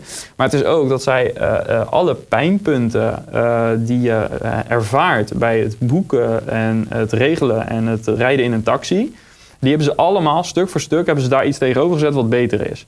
Uh, niemand voelt zich echt, althans, eh, ik ken niet veel mensen die graag in een taxi stappen, zeker niet in een, een omgeving waar je onbekend bent, zonder een prijsafspraak gemaakt te hebben. Dus het, het, gevoel dat je misschien een beetje genaaid wordt, dat heb je al heel snel in een taxi. dat hebben ze weggenomen, want je weet, het, het is in ieder geval fair. Hè? Het wordt berekend, dus het is herleidbaar. Um, de, het is, er zit een review systeem achter. Dus je weet van oké, maar wat voor de, de, chauffeurs die daarop rijden, die moeten zich wel fatsoenlijk gedragen. Want anders dan uh, gebeurt er iets met hun rating. Ja. Uh, het afrekenen, ik hoef niet meer met cash of met pinpas. Nee, dat wordt allemaal gewoon netjes via rekening. Dus om maar aan te geven, ze hebben allerlei verschillende uh, punten in dat proces hebben ze als het ware gehackt. En dat hebben ze beter gemaakt. En daar zit uiteindelijk de winst in. En niet in alleen iets goedkoper zijn of alleen een makkelijkere bestelmethode. Het is echt een set aan verschillende dingen. Dus dat is ook altijd wat ik meegeef aan e-commerce ondernemers. Kijk hoe je uh, het op een andere manier kunt doen. Uh, zodat er, ja, de, gewoon de USP. Het is eigenlijk gewoon zo simpel. Als je er echt helemaal terug gaat naar de basis. Waarom gaat iemand bij jou de kantoorartikelen kopen als die bij twintig andere shops kan kopen? Zelfs niet, als, als je iets goedkoper bent, dan heb je zelfs niet de garantie dat jij het snelst gaat groeien. Het is echt veel meer dan dat. Ja. En wat is op dit moment dan de kracht, denk jij? Hoe, hoe kan je nu nog winnen met dus bijvoorbeeld die kantoorartikelen? Nou, kijk, ik, ik, nou, dan moet ik eigenlijk terug naar een anekdote. Dat is een inzicht wat ik vrij vroeg in mijn carrière had. Um, ik heb uh, ooit, daar was ik niet eigenaar van, maar ik heb ooit uh, uh, kerstboom.nl en kerstboom.be gerund. Dat was een webshop, ehm, uiteraard in kerstboom, kunstkerstbomen en echte kerstbomen. En wat ik daar, ja, een hele bijzondere maar leuke handel. wat ik daar heb geleerd, um, je had het hele jaar had je alle tijd om dingen voor te bereiden. Er gebeurt gewoon geen reet. Um, in um, nou, eind november begint de consument zich een te roeren. Dan zijn de eerste mensen die willen dan de kerstboom kopen. En de dag na pakjesavond, dan wordt gek huis. Dus vanaf dat moment tot zo ongeveer twee, drie dagen voor kerst is echt totaal gek huis. Dan gaan er duizenden bomen per dag weg. Echte en, en neppe bomen. Um, dan heb je ineens een gigantische piek en daar verdien je geld aan. Uh, als je dat goed inricht. Maar de grap was dat dat niet per se het meest interessante businessmodel was. Want Um, wat wij dus merkten, uh, je had bedrijven uh, als uh, radiostations, grote internetproviders, de Ziggo's en zo. Die wilden hun klanten iets cadeau doen rond kerst. En die, wilden dan, die dachten dan, we gaan een kerstboom cadeau geven aan onze klanten of personeel, grote bedrijven. Uh, maar we gaan niet zelf die hele logistiek regelen. Dat willen we uh, via iemand doen. Nou, dat Bol.com deed toen eigenlijk nog niks. Dat was dus begonnen een beetje daarmee, maar dat was, nog, stond op een heel laag pitje. Dus ze kwamen automatisch bij ons uit. Ja, we wilden het beste domeinnaam, we waren de marktleiders. Dus, ja, de brugje was snel gemaakt. En wat wij deden, wij, hadden, wij maakten een deal met dat soort bedrijven. En daar zeiden we van, oké, wat verwacht je ongeveer aan bomen af te gaan nemen? Nou, dan zeiden ze 2000. Oké, 2000 bomen. Dan gaan we 2000 bomen afrekenen. En daar sturen we een factuur voor.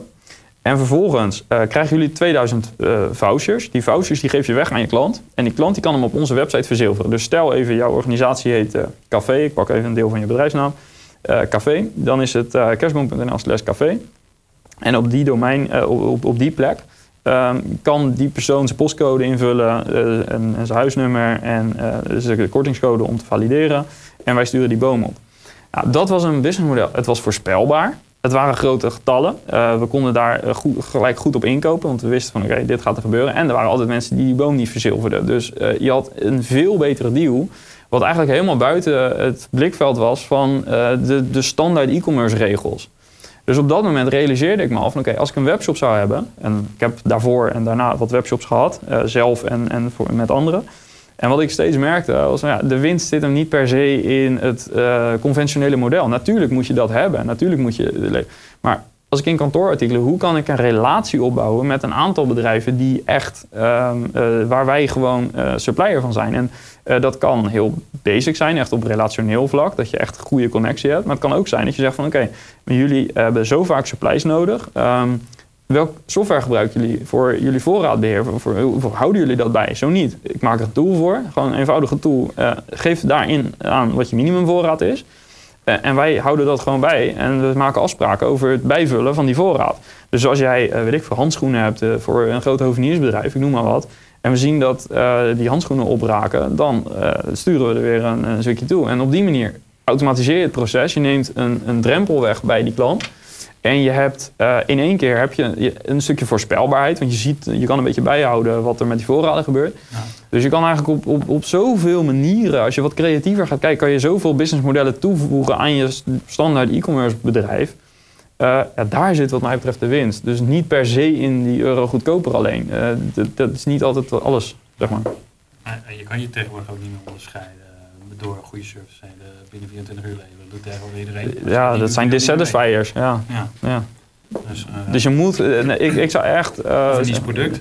Niche product, dus maak hele duidelijke keuzes. En op het moment dat je een niche product, dan kom je automatisch een beetje in dit soort concepten. Want ja, dit, dit kan je nu verzinnen, maar uh, op moment, zo zijn er nog honderd voorbeelden. Alleen je moet goed weten van waar zit mijn markt op te wachten. Want je zegt nu kantoorartikelen, ik heb het over kerstbomen gehad. Ja, kom maar met een andere markt. En ook daar valt wel iets te hacken. Uh, alleen je moet, je moet erin verdiepen. Je moet uh, meer doen dan alleen uh, orders verwerken. Want ja, uiteindelijk, dat is niet de waarde die je levert. Denk nou over de waarde die je levert. En in deze voorbeelden leverden we...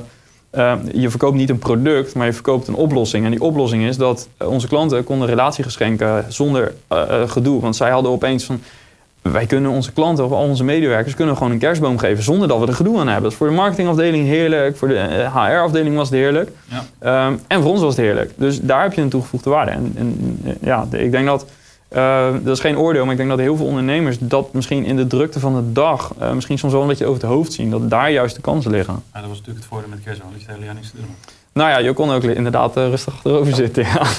En wat bedenken en dan echt uitvoeren. Ja, ja. Ik heb zoiets ook bedacht met, uh, ik ben ooit eigenaar geweest van Hemden Online.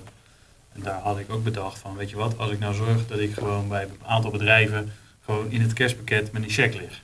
Ja. Weet je wel, en dan ga ik achteraf ga ik naar die, uh, bedrijf toe. Ik zeg, nou, ik heb 50 hemden verkocht, kost je dat? Ja, precies. Nou, maar dit, dit, dit zijn de, de schoolvoorbeelden van op een andere manier naar je business kijken. Ja. En, ja, je maakt een recht punt. Uh, je moet soms wel terug, een stapje terug doen. Uh, overigens deden we nog genoeg dingen naast. Dus het was niet zo dat we het hele jaar niks te doen hadden. Maar uh, tuurlijk heb je meer tijd dan. En, ja. dat soms ik kwam er niet aan toe om naar die kant te gaan. En weet je, zo'n kerstpaketbureau te gaan benaderen. Weet je wel. Nou. Ik had er twintig gebeld. En ik had vijf afspraken. En ja, toen gebeurde er weer iets. Dus ik heb al die afspraken weer op moeten zeggen. En dan hmm. komt het weer. Ja, en je moet toch je orders leveren. Hè? Dus de, ja, ik snap de problematiek heel goed. Ik heb veel van dat soort dingen gezien en meegemaakt. Uh, maar ja, ik vind het nog steeds een, ja, razend interessant om nieuwe dingen te bedenken die, nog, die er nog niet zijn. Ja, gaaf. Hey, uh, je hebt het misschien al een beetje aangegeven, maar je hebt natuurlijk ook een heel bedrijven die gaan dit gebruiken om continu maar die prijs te, om altijd de laagste te zijn. Uh, maar waarom zou je altijd die prijs moeten verlagen? Je zegt net dat het niet altijd even goed. Nee, je moet, dat moet je zeker niet doen. Je moet wel een goede prijsstrategie hebben. Maar je hebt natuurlijk ook bedrijven die het wel doen. Ja, uh, maar dat betekent dus dat je moet kijken van waar ligt je toegevoegde waarde. Dus eigenlijk waar ik net over had, uh, schrijf, uh, pak, pak eens een A4'tje. Hè, als je s'avonds in alle rust, pak een A4'tje en schrijf gewoon eens heel simpel een aantal vragen op. Van wat is nou echt, waarom gaan mensen bij ons kopen en niet bij? En schrijf de naam van je, je meest vervelende concurrent daar gewoon achter. Confronteer jezelf daarmee. Um, van, en en waar, hoe komt het dat wij deze productcategorieën misschien te weinig verkopen? wie doet dit beter? En door jezelf op die manier te gaan triggeren en echt even afstand te nemen van uh, je wil uit, je hebt het beste voor met je bedrijf. Maar dat betekent dus ook dat je oncomfortabel, uh, oncomfortabele dingen moet doen. Dus je moet ook gewoon kijken van oké, maar waar zit de bottleneck nu? En ja, dan zul je zien, het is nooit één ding. althans, ik, in mijn ervaring niet. Je komt altijd verschillende zwakke plekken tegen en daar moet je, daar moet je tegen wapenen. En prijs is er zeker één van. Natuurlijk, je kunt er niet omheen dat je een goed, goed prijsmodel moet hebben. Maar uh, alleen laagste prijs is gewoon echt een race naar de bodem. En ja, het vervelendste is dat je hem kan winnen. Uh, dus als je hem wint, dan ben je de lul. Ja. Uh, dus daar moet je, dat moet je zeker niet doen. Je moet wel weten van ehm, wat, wat voor prijsstrategie heb ik. En daar moet je op acteren. maar niet per se laagste prijs willen hebben. dat, ja, ik geloof niet dat dat de manier is om ja, te, te winnen. Ik met, met die fabrikant dan met klanten te maken heb gehad. Dat, dat als wij als fabrikant konden het niet voor die prijs verkopen. Ja, en, hm. en, dan kochten wij het in. Wij die het maken. Dus hoe hun dan aan die prijs konden komen op bol.com tarieven, weet ik wat. Ja. Die willen gewoon per se de laagste prijs zijn.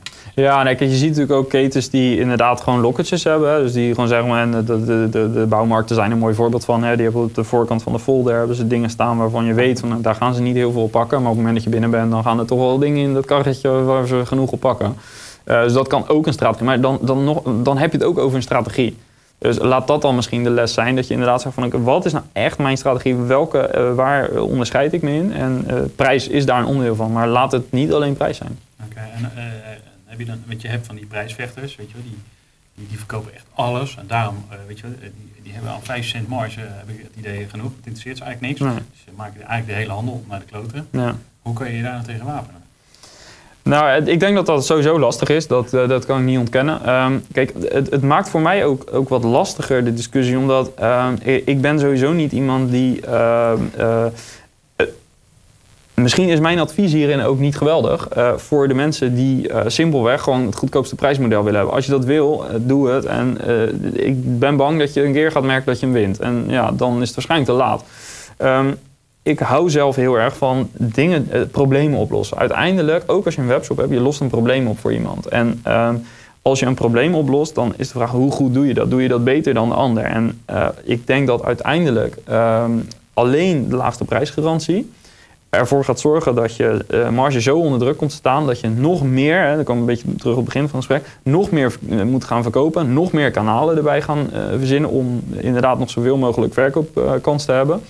Terwijl ook hierin zou ik zeggen, kijken eens of het met minder kan. Kun je met minder, we zitten nu in een interessante week met Coolblue die opeens een aantal moves maakt op dat gebied. Hè, die gaat minder adverteren, heeft heel veel advertenties uitgezet bijvoorbeeld. Er worden heel veel speculaties om gedaan. Um, Prijzen enorm verhoogd? De prijzen verhoogd. Dus, uh, maar daar, is daar hebben ze over nagedacht. We kennen Coolblue allemaal. Die, doen niet, die gaan niet over één nacht ijs. Dus die hebben daar een analyse uh, aan vooraf laten gaan. Uh, we weten niet. We zitten nu met z'n allen te gissen. Dat is allemaal interessant genoeg. Maar waar het om gaat... Wat ehm, zij hebben een totaalpakket aan eigenschappen en, en, en oplossingen. Ehm, ook bijvoorbeeld we hadden het over Uber, maar kijk hoe zij de markt van witgoed aan disrupten zijn. Je, zij zetten gewoon die, uh, die wasmachine gewoon voor je klaar, bovenop zolder, op de plekje waar niemand bij kan en waar niemand het eigenlijk wil. en ze nemen je oude mee. Dat doet je loodgieter ook, alleen daar betaal je waarschijnlijk meer. En daar heb je nooit vooraf dat gevoel bij dat dat, dat tarief gaat zijn. Bij hun weet je het op het moment dat je op s'avonds om tien voor elf denkt van ja, ik moet morgen die wasmachine hebben staan. Dan weet je dat die de volgende dag op hetzelfde tijdstip staat hij er. Waarschijnlijk al een stuk eerder. En voor dat bedrag en geen gedoe. Zekerheid koop je. Je koopt niet alleen wasmachine, je koopt zekerheid. Je koopt voorspelbaarheid. Ja, dat, dat zijn dingen, daar moet je volgens mij op richten. Dus ik blijf een beetje in herhaling vallen. Maar het gaat erom, wees niet gefixeerd op alleen die prijs. Nee, nee, dat snap ja. ik. Zorg gewoon dat je juist die informatie haalt die je nodig hebt uit dit systeem. Ja. Uh, ja, hoe zet je price search het beste in? Ja, nou eigenlijk in die zin zijn er twee uh, uh, use cases. Uh, er zijn er veel meer, maar de twee belangrijkste zijn natuurlijk uh, webshop-eigenaren die dus price search inzetten om de prijs van concurrenten te zien en daar hun prijzen al of niet op te laten aanpassen op basis van regels. Dus bijvoorbeeld, ik verkoop tennisartikelen. op tennisrackets willen wij wel altijd de laagste prijs hebben en moet afgerond zijn op 5 cent. En op alle andere artikelen willen we gewoon altijd precies in het midden zitten van deze drie aanbieders. Bijvoorbeeld, dat kan. Uh, moet je overigens wel gekoppeld, moet je webshop wel gekoppeld worden aan onze software. Uh, dus dat kan met Magento, met Shopify, WooCommerce, Lightspeed, dat soort platforms. En als je op een maatwerkplatform draait, dan kunnen we die koppeling maken via onze API. Ehm, de tweede use case is meer dat je um, gewoon producten monitort in de markt. En dan is het meestal een fabrikant of uh, er zijn merken, uh, cosmetica merken bijvoorbeeld, die willen gewoon, bijvoorbeeld Weber wat ik net zei, dat soort producenten of brands, die willen gewoon dat hun product ja, voor die prijs verkocht wordt. En alles daaronder willen ze in ieder geval in beeld hebben, zodat er een manager een wijze, kan gaan wijzen met zijn vinger. En, uh, belletje gaan doen, een beeldje mag niet. Nee, ja, dat is dus inderdaad de follow-up waar best wel veel discussie over is, wat inderdaad niet mag. maar goed, dat zijn, dat zijn eigenlijk de twee belangrijkste use cases. Oké. Okay. Ja. Ja. heb je een case die je kan bespreken die, waar Price Search echt tot zijn recht komt? Dus dat je echt van, nou, die hebben er zoveel succes mee met deze tool. Uh, ja, nou, er zijn natuurlijk diverse. Die uh, gaan van klein tot groot. Er zijn een aantal. Ja, ik mag geen namen noemen. Dat willen de, de, de, bedrijven over het algemeen niet. De kleinere misschien wel, maar de, de grote namen die willen vaak niet prijsgeven met welke toolset ze werken. Uh, nou ja, prima, dat moeten we respecteren. Ehm, maar dat zijn gewoon inderdaad webshops die in tien landen actief zijn en honderdduizend producten hebben. En die, die hebben gewoon echt geen idee meer wat er gebeurt. Ehm, een andere use case die ook wel echt heel erg leuk is. Ehm, een andere case uh, is een. Ehm, ja, ik, het is moeilijk om om de namen heen te praten. Maar is een fabrikant van een heel bekend merk. wat uh, hier in Nederland in ieder huishouden een schoonmaakmiddel. veel verder kan ik niet gaan. Uh, staat.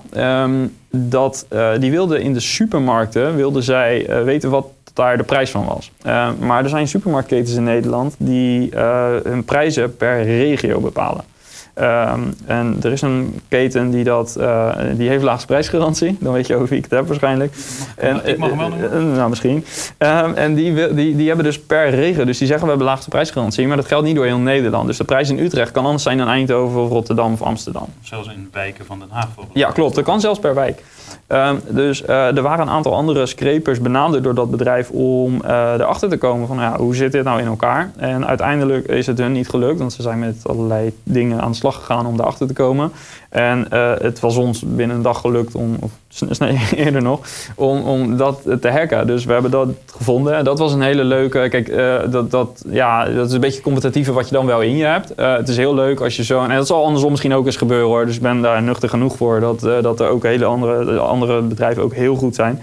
Maar uh, ik vond dat wel heel leuk. Dat, uh, dat mijn collega uh, echt, toen we terug waren op kantoor, die, die is ook vrij competitief, dus die beet zich erin vast. En die kwam echt binnen no time kwam die, nou, van, ik heb het gevonden volgens mij. Hij zegt, kijk eens, kan dit? Nou, ja, volgens mij wel. Volgens mij hebben we het. En toen belden we en dat bleek het inderdaad het geval te zijn. Ja, dat soort momenten zijn wel echt heel erg tof. Dan, Hebben die wel gevierd? nou, nee, eigenlijk niet. Nee, nee. Ja, ja. ja. Eigenlijk niet, echt gevierd. Ja, ik vind dat op dat moment tof, maar ja. ja. Oké, okay. even een hoeraatje en... Uh, ja, dan weer door, ja. Okay. Dat is ook een soort van vieren, hè? Ja, precies. Okay. Heb je het boek uh, Gun Ho, ken je dat toevallig? Nee. Dat is aanraden dus. Nou ja, dat is een hele aparte manier van uh, ondernemen en met personeel omgaan. En die zei van, die baseert het op, op drie beesten. Je hebt de bever, de gans en de eekhoorn. Uh, weet je wel? Dus hij zei, nou, personeel uh, moet je een soort zien als eekhoorntjes. Die zijn bezig om voor thuis allemaal eten uh, binnen te halen. Dus je moet zorgen dat ze ook genoeg verdienen. Want dan halen ze daar, komen ze thuis en dan hebben ze daar voldoening aan. Dus de eekhoorns die zijn het hele jaar aan het, aan het zaaien of aan het oogsten. Ja. En, voor, dus, zodat ze de winter door kunnen komen. En dan heb je de, de bever. Dat is zeg maar, in het verhaal beschrijft hij dan dat uh, hij neemt iemand, de directrice van het bedrijf neemt hij mee waarom zijn afdeling nou zo goed loopt. En zei, nou kom eens mee, dan gaan we het bos in. En dan gaan we eerst de eekhoorn kijken en daarna naar, de, mm. naar die bever. Dus ging naar die bever kijken. En die bever, die, uh, ja, die bouwen dammen. En uh, hij zegt, ja, het kan een paar dagen duren voordat die dam breekt. Maar als die breekt, dan moet je opletten. Mm. Nou, dan komen, weet je, dat is een gemeente van allemaal bevertjes. En dan uh, rent er, uh, op dat moment neemt er niemand de leiding. Dus gaan ineens met z'n allen gaan ze die uh, dam bouwen. En dat lukt. Nou, met een bedrijf natuurlijk ook. Er neemt niemand de leiding, maar als we het gewoon met z'n allen doen, ja. dat is een beetje het idee. Ja. En dan had je de gans. En hij zei, ja, heb je was, als je ganzen op ziet stijgen, weet je wel, dan kwaken ze er allemaal. Kwaak, kwaak. En met opstijgen nog veel harder dan als ze in de lucht zijn. Maar in de lucht hoor je ze ook, maar dat minder. En wat je ze aan het doen zijn? Wat denk jij wat ze aan het doen zijn? Maar ze zijn elkaar aan het aanmoedigen. Ja, joh. ja, dus, ja, fantastisch. En, uh, als je, en hij de, vertaalde dat een, door naar zijn fabriek. Dus, uh, weet je, dus uh, hij zorgde dat ze voldoende verdienden. Ja. hij liet ze, er was geen manager, hij gewoon, was niet de baas. jullie regelen ja. het gewoon. En als we, uh, weet ik veel, uh, 100 orders klaar hebben of 100 producten klaar hebben, dan, hey, jongens, we zijn er weer! Ja, weet je, motivatie. Ja, zo ging het. Een beetje uh, heel Amerikaans, maar ik vond er zat wel wat in, weet je wel. Ook elkaar aanmoedigen en juichen. Nou, maar de, de, ja, je, je, noemt natuurlijk het woord Amerikaans. Ehm, we hebben met PriceSearch hebben we in Amerika ook een sales manager zitten. dus we zijn op die markt ook actief. En je merkt dat is overigens wel in, iemand met Nederlandse roots, maar die zit daar al een tijdje. En die merkt dus, je merkt in de gesprekken daarmee, hij moet het op een andere manier verkopen. En uh, ja, in Amerika, we zijn een Calvinistisch land hier. En uh, ja, doe maar normaal, zeg maar. En dat telt daar niet zo. Je moet vooral uh, gewoon laten zien wie je bent. En, nou, ik vind dat soms best nog wel lastig, want ik ben daarin best inderdaad wel redelijk behoudend. En ja, ik denk dat dat stukje bescheidenheid of zo, het is fijn en het voelt veilig, maar misschien dat je soms inderdaad ook even moet zeggen, nou, het is best wel tof wat we gedaan hebben. Ja. mag ook wel. Ja, toch? precies. Oké. Hey, uh, doelstellingen voor 2020? Ja, um, nou met... Uh, ja, um, met, met Price Search is dat eigenlijk om uh, internationaal uh, nog meer voet aan de grond te krijgen. We hebben in Nederland een hele goede install bezig. We hebben in Amerika en, en, Canada zijn we best wel lekker bezig, maar daar moet echt volume erin krijgen. Dus we merken dat daar een andere salesstrategie nodig is. Moet je, uh, we zijn er ook best wel bezig met partners, dus dat bureaus het kunnen gaan inzetten voor hun klanten. dat is net een iets ander model natuurlijk, maar dat is in Amerika sowieso gebruikelijk. Dat je meer met distributienetwerken werkt en hier is toch wat directer. Um, maar ook in Nederland zien we wel mogelijkheden bij, uh, bij uh, ja, met name online marketingbureaus natuurlijk. Uh, dus dat is met Price Search belangrijk. we hebben echt een enorme roadmap met features die we willen toevoegen. maar we doen dat wel ja, gecontroleerd. Dus liever iets minder toevoegen. Dus ook weer het minimalisme. Liever iets minder toevoegen wat echt goed werkt. In plaats van alles overal en er over een jaar achter komen dat alles aan de achterkant een beetje ja, buggy is, zeg maar. Dus dat is het belangrijkste. Veel features toevoegen en die distributienetwerken verder optimaliseren. Uh, daarnaast met Noordhaven, um, het klinkt een beetje flauw, maar vooral doorgaan met wat we aan het doen zijn. Uh, vooral in, in de kwaliteit groeien, niet zozeer in omvang. Daar denk ik niet meer heel erg aan als het gaat om Noordhaven. het moet vooral beter. gewoon echt alle processen super strak en echt gewoon de, de kennisleider zijn in Nederland en België. want daar richten we ons met name op met klanten daarbuiten, maar het meeste speelt zich hier wel in de regio af. En uh, SaaS-bazen is uh, ja, een mooi concept waar we dit jaar dus uh, echt ook de community helemaal gaan uitrollen. we hebben ja, de afgelopen jaren hebben we zoveel opgebouwd in die markt dat we ook denken dat we daar best wel snel een mooie community kunnen opzetten. wat ik overigens leuk vind is met, met, met SaaS-bazen, we hebben het vooraf aan het gesprek hebben het even over gehad. SaaS-bazen is een community die wij neer kunnen zetten. waarin we echt ten dienste kunnen staan van mensen die actief zijn in die softwarewereld. Uh, het is niet ons primaire uh, focuspunt als het gaat om het commercialiseren of iets dergelijks. Uh, natuurlijk moeten we het rendabel hebben, maar het belangrijkste is dat we echt mensen bij elkaar brengen. Want ik vind dus, ehm, dat is ook wel een beetje deel van mijn persoonlijke missie. op het moment dat je kijkt in de steden waar ik geweest ben, hè, die ik net noemde, als je daar kijkt hoe die start-up cultuur is, is heel veel met elkaar doen. Hè. Dat is, in Amerika werken mensen sowieso heel veel samen. Uh, ik vind dat hier in Nederland mm, is niet echt een heel duidelijke community of netwerk voor softwarebedrijven. Er gebeuren super veel toffe dingen. Er zijn heel veel innovatieve start-ups. Uh, en er zijn wel investeerders die een beetje eh, zich roeren met events. Maar ik zou het heel tof vinden als er ook echt een plaats is waar iedereen kennis en ervaring gaat uitdelen. Het gesprek wat wij hier nu hebben, dat je dat ook met dat soort mensen kunt hebben en dat je dat ook in een community kunt vormgeven met leuke events. Uh, dus dat is uh, een ander belangrijk doel om die community te hebben staan. En ja, daar zijn we lekker mee bezig. Ja. En ja. Groove? Met Groove is het vooral, we hebben afgelopen jaar, de tweede helft van het jaar, hebben we een pilot gedaan. Dus we hebben best wel veel verschillende filmpjes opgenomen om te kijken van oké, okay, wat, waar leent Studio zich voor? Nou, daar, het beeld werd wel bevestigd. Um, dus we hebben nou, sinds afgelopen, of nu begin dit jaar, hebben we echt de deuren open gedaan. En uh, ja, nu is het gewoon een kwestie van uh, iets meer naar buiten profileren. We hebben een groep studenten op zitten die dat doet. Uh, dus die gaat dit half jaar, ze zijn nu aan het onderzoeken en dat zullen ze verder gaan uitrollen. Dus met Groove is het vooral gewoon de studio die er nu staat. gewoon verder ja, zorgen dat mensen die iets willen, professioneel willen doen met audio-video, dat ze daarmee aan de slag kunnen. Ja, super tof concept. Ja. hoe ziet het er over vijf jaar uit, ondernemen? Uh, nou, kijk, je hoort al, er zijn dus een aantal activiteiten. Uh, het belangrijkste vind ik dat ik. Um, de, ik hou heel erg van um, andere mensen, zeg maar echt talent, uh, om die een plek te geven om, om iets te maken. Bijvoorbeeld community is een heel mooi voorbeeld daarvan. Zo'n community, ik heb daar heel veel ideeën over. Hoe moet je dat opzetten? Bij Groove geldt eigenlijk hetzelfde. We hebben daar best wel ideeën over. Ik doe dat samen overigens met de eigenaar van Cinemato Media, Joris. En we hebben daar best wel beide ideeën over. Um, maar eh, ja, wil je dat allemaal zelf uitvoeren? Wil je in de stoel van operator zitten? Of wil je meer uh, ja, de owner zijn of misschien zelfs liever investor?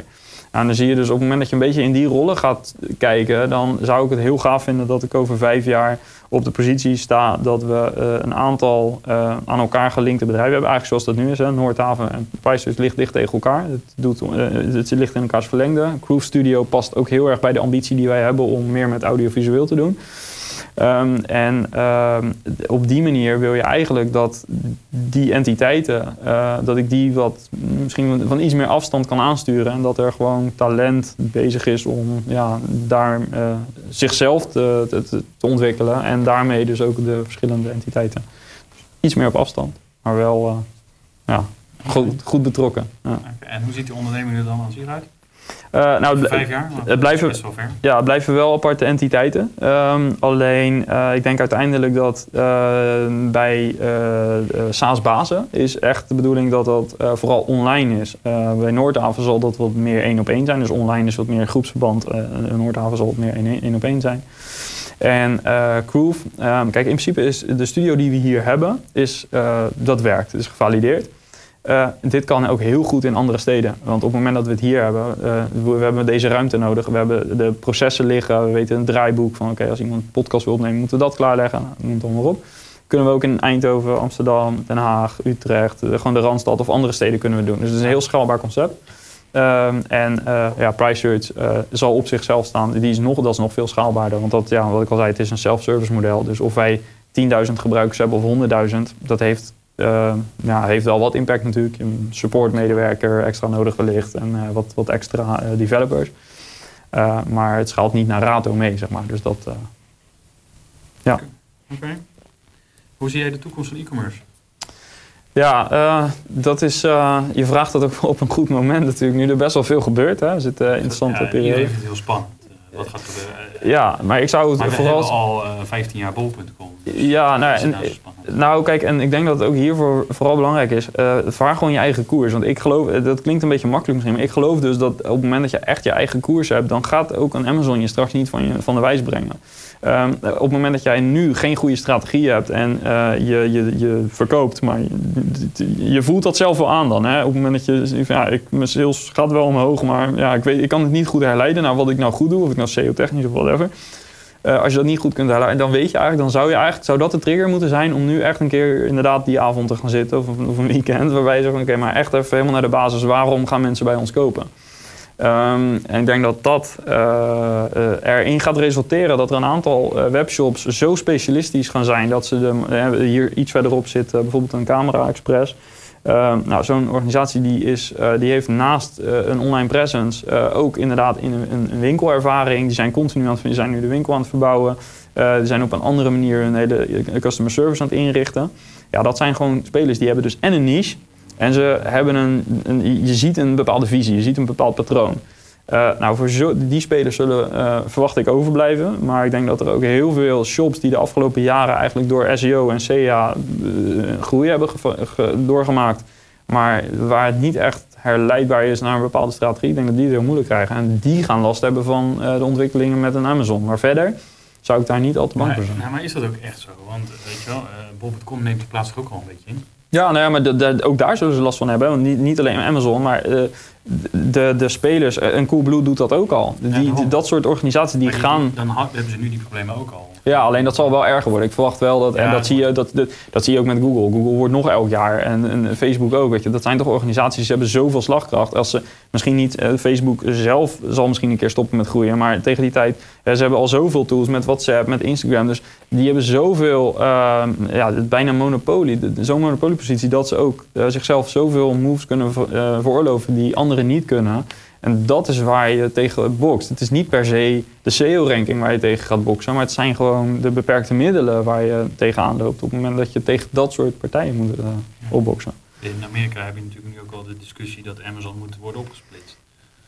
In twee verschillende entiteiten. En één gedeelte wordt, moet uh, worden verkocht om die monopolie een beetje... Ja, nou ja, met dat, dat soort dingen. En uh, kijk, het, het lullige is dat je met dat soort partijen, uh, die, die, daar, die, die hebben een leger aan uh, advocaten die ze op je af kunnen sturen. We hebben la- ja, en, en, en daar, uh, ik, ik denk dat uh, een, een Coolblue en uh, bijvoorbeeld een Camera Express, zijn, de Camera Express is een stuk kleiner, maar dat zijn wel volgens mij clubs die, die hebben veel bestaansrecht.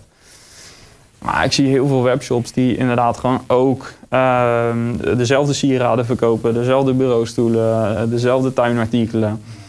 Eh, Ja, dat wordt heel lastig als je niet iets extra's doet. Uh, een consument die wil daar uiteindelijk wel iets, in, uh, iets voor terug hebben. Ja. En uh, ja, pittige uitdaging. Zeker. Hey, ja, we hebben het denk ik al een beetje besproken, maar misschien is het toch wel leuk. Niche. Ja, hoe zoek je je ideale niche? Hoe kom je erop?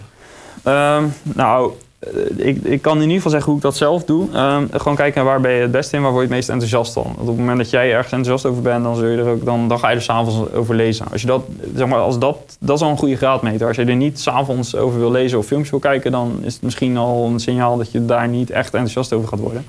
Uh, ik ben echt dol op software, want ik vind het gewoon fantastisch dat je met iets, uh, met een hele simpele, of ja, met, met een tool, dat je heel veel werk overbodig kan maken. Ja, dat, dat is fantastisch. Um, of dat je sneller, slimmer, uh, op een andere manier je werkdag kunt inrichten. Um, dat heeft mij gewoon, ik heb daar niet echt heel veel over na over denken uh, in die zin. Naast het feit dat het een groeimarkt is. Uh, dat is wel handig om te weten op het moment dat je niche kiest. Um, dus je, waar ben je enthousiast? Waar, waar ben je enthousiast over? Je kiest meer je, je branche uit. Je, wie, wie, zijn je klanten? Dat is meer je Ja, klopt. Maar je, kan, de, je kunt, uh, ik, ik heb dan uh, met mijn bedrijf heel erg gefocust op een niche in, in, in vertical, zeg maar, dus in markt. maar je kunt ook een niche in e-commerce kan ook betekenen dat je op productniveau een, een niche kiest. Hè? Dus dat je in plaats van een assortiment met 2000 artikelen, dat je terug gaat naar 20 artikelen. en gewoon kijken van hoe kan ik met deze 20 artikelen iets doen. En dat, dat, uh, mensen die me nu die dit horen, die, uh, een groot deel zal misschien voor gek verklaren. Uh, maar ik zou echt zeggen, overweeg het en, en, zoek die uit eens een keer op. Je, je, verliest er niks aan om een keer een scenario door te rekenen. Wat zou er gebeuren als ik op een hele andere manier naar mijn eigen businessmodel ga kijken? daag jezelf uit. Ja, oh, mooi. Zeker ja, doen. Zeker doen. Ja. Ik zou er ook zeker over nadenken. Hey, nog even terug over je cadeautje, want ik had de spoiler al verpest, maar uh, bij deze komt hij dan nog een keer. Uh, het boek Essentialism van Greg McCowan. Ja, ja Greg McEwen. Ja. Greg McEwen. Uh, die, die geef je weg ja. aan een van de luisteraars. Hartstikke leuk natuurlijk. Omdat je vooral zelf heel enthousiast bent over het boek. Ja. dus jammer, want je verpest daardoor mee wel een van mijn volgende vragen. Maar dat, daar komen we zo op terug. hoe je het boek kan winnen is dus, laat een reactie achter op de website onder de show notes. dan komen we er wel uit. Ja. Hartstikke leuk. Hey uh, Johan, dan heb ik nog een vast vragenrondje. Als mensen contact met je willen opnemen naar aanleiding van dit uh, gesprek, hoe kunnen ze dat het beste doen? Uh, Mag dat? zeker, natuurlijk. Altijd heel leuk. LinkedIn is het makkelijkst. zoek op Johan de Wit en dan ga je mij als het goed is vinden. ja, dat. Ja. Makkelijkst. Oké. Okay. Ja, er bestaan meer Johan de Wit, ben ik vandaag. Dat, dat klopt, ja. Um, uh, maar uh, misschien Johan de Wit in combinatie Price Church of Noordhaven. Precies, uh, dan moet je me wel vinden. Overigens, Johan de Wit is natuurlijk ook een naam met wat historie. dus als je geavanceerd gaat zoeken via Google, doe er dan achter min wit met dubbel T. Dat helpt al. min wit met dubbel T? Ja, want dan filtert hij dus alle resultaten met wit met twee T's. Ah, oké. Okay. Ik heet Johan de Wit met één T. Dus, Hoeveel is genoeg? Um, Hele goede vraag. Uh, en ik val even stil. Um, is er niet gebeurd deze het, uitzending? het eerste uh, wat er in me opkomt um, is um, identificeer wat essentieel is en elimineer al het overige. En schrijf op wat essentieel is. Uh, dan weet, je weet het al. Alleen je durft waarschijnlijk niet uh, afscheid te nemen van iets, omdat je er nog aan gehecht bent. Uh, een jas die je een jaar geleden voor 300 euro hebt gekocht, is doodzonde om weg te doen, dus je doet hem niet weg. Maar die andere jas die is gewoon genoeg. Dus je kan hem wel gewoon wegdoen. Alleen het is, je, je, je, je ervaart nog de pijn van die 300 euro. Je hebt hem niet nodig, gooi hem weg.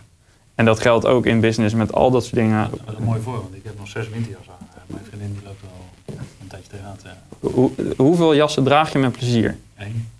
Die andere gaan weg. Die andere kan weggooien.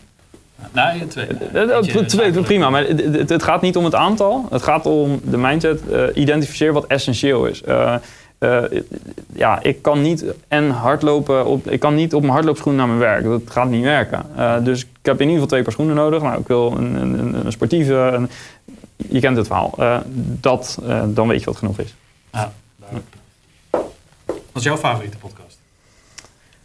Uh, Tim Ferriss Show vind ik heel tof. Ehm, met name vanwege de gasten. Als je Seth Godin in je podcast uh, kunt uh, hebben, dan ja, is fantastisch. Seth Godin, Seth Godin marketeer die heel veel boeken heeft geschreven. onder andere Purple Cow bijvoorbeeld. Het is een heel tof boek. Over, ook als je een niche gaat kiezen, lees Purple Cow ook even van Seth Godin.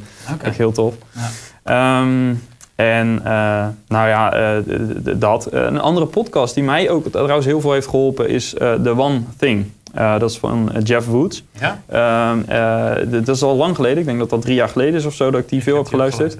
Um, uh, ik vind Jeff een waanzinnige podcast-host in de eerste plaats, omdat hij zich ook heel erg naar het publiek, ja, die betrekt hij er heel goed bij, heel knap. Um, en het systeem achter de One Thing vind ik ook heel tof. Ik ben afgehaakt toen die al die seminars ja, in een podcast. Klopt, ja. Nee, zijn, ja. Opvallend wel, ik heb ze toen allemaal geluisterd. Hij is een topklas interviewer. Ja. Dat vind ik echt fantastisch. En vanuit het niets.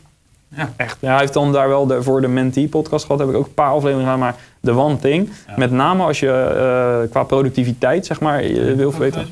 Ja, zeker. Ja, ja, uh, van Gary Keller en Jay Pepperson, The One Thing. Ja, ik blijf boeken opnoemen omdat ik heel veel lees.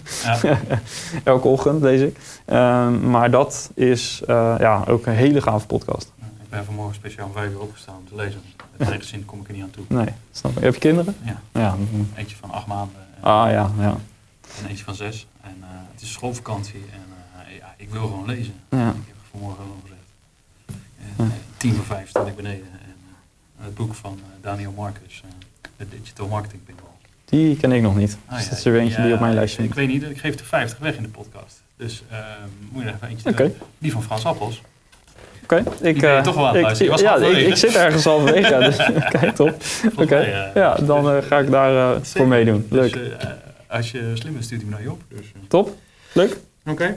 Okay. wat is jouw favoriet, ja, onlangs gelezen managementboek? Waar ben je mee bezig? Uh, nou, waar ik nu mee bezig ben is uh, een boek over Elon Musk, uh, Insane Mode. Um, die, maar ik ben net het voorwoord gepasseerd, dus ik kan er niet zo over zeggen. Ik lees niet zo heel veel biografieën trouwens, maar dit was er wel eentje. Ik kreeg hem van Carola, van mijn vrouw. die vond kennelijk dat ik nog niet genoeg deed. Heb je die Steve Jobs dan ook gelezen? Ja, ja, ja klopt. Ja, ja, wel. Maar ik moet heel eerlijk zeggen dat ik die niet helemaal heb uitgelezen op een gegeven moment. het is wel, ja, klopt. Maar ja, tof. Ja. Oké, okay. en wat is dan het boek uh, voor deze? Een boek voor de. Uh, nou, ik ben ook met Straight Line Leadership, uh, ligt nog op mijn plank, weet ik. daar, dat is ook wel een interessant boek, maar dat zit hem heel erg op personal development. Dus dat, gaat, dat is een boek met, ik weet niet precies hoeveel, maar een stuk of 60 of zo, distincties. Dus het verschil tussen willen en creëren, bijvoorbeeld. allemaal dat soort dingen. Ook wel aanraden als je een beetje gemotiveerd wil worden. Oké, nou dan hebben we hem. Uh, je must read book voor elke ondernemer. Ja, Essentialism van Greg, Greg McEwen. Absoluut geen managementboek. Maar wel een boek. Uh, kijk, ondernemen is elke dag keuzes maken. Uh, microniveau, macroniveau, continu. lees het boek, pas het toe en het ja, maakt keuzes. Wat is een van de wijze lessen dan uit dit boek?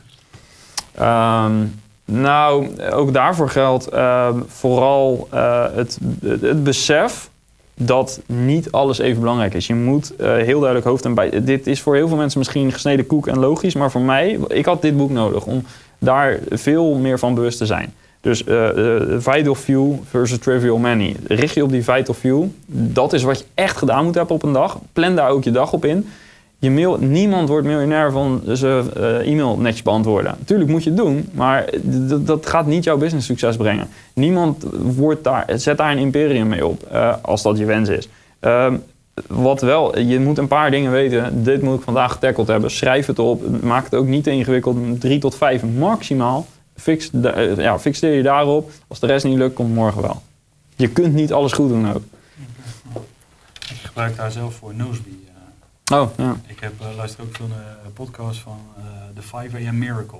Oh ja, ja. ja, ja de, is dat ook via Hal Elrod of niet? die heeft volgens mij de... die heeft in die podcast, is, hij is de gast geweest. Ja, klopt, daar hebben ze hem ook... Ja, ja, precies. Ja. The 5 AM Miracle, die zegt echt van ja, s ochtends om vijf uur opstaan en die werkt dus heel duidelijk met het principe van, van Noseby echt gewoon, weet je wel. Zorg dat je je inbox altijd leeg is. Ja, precies. Inbox zero, dat probeer ik ook zoveel mogelijk te doen. En, ja. uh, weet je wel, en dan uh, weet je wel, alles wat je binnen twee minuten kan beantwoorden, of wat je niet uh, gelijk doen. Ja, een beetje de GTD-methodiek. Ja. Alles weg en dan alles wat wel is, gaan, maak je gewoon een, een agendapuntje van. Ja. En dan precies. Daarna filter je het, wat is belangrijk, wat kan mij helpen om mijn business te laten groeien. Ja. Ja, en de one thing heeft dan een mooie vraag. Wat is the one thing I can do uh, such that by doing it everything else will be easier or necessary? Dat is dan de, de focusing question, zoals zij dat noemen. Ja, dat is een uh, vraag. Als je die gewoon stelt aan het begin van je dag, uh, dan ja, ligt het antwoord eigenlijk altijd voor je. En doe dat. En de rest is, dat is minder belangrijk. Dat, ja. Ja. Oké. Okay. Hoe lang bestaat Facebook nog?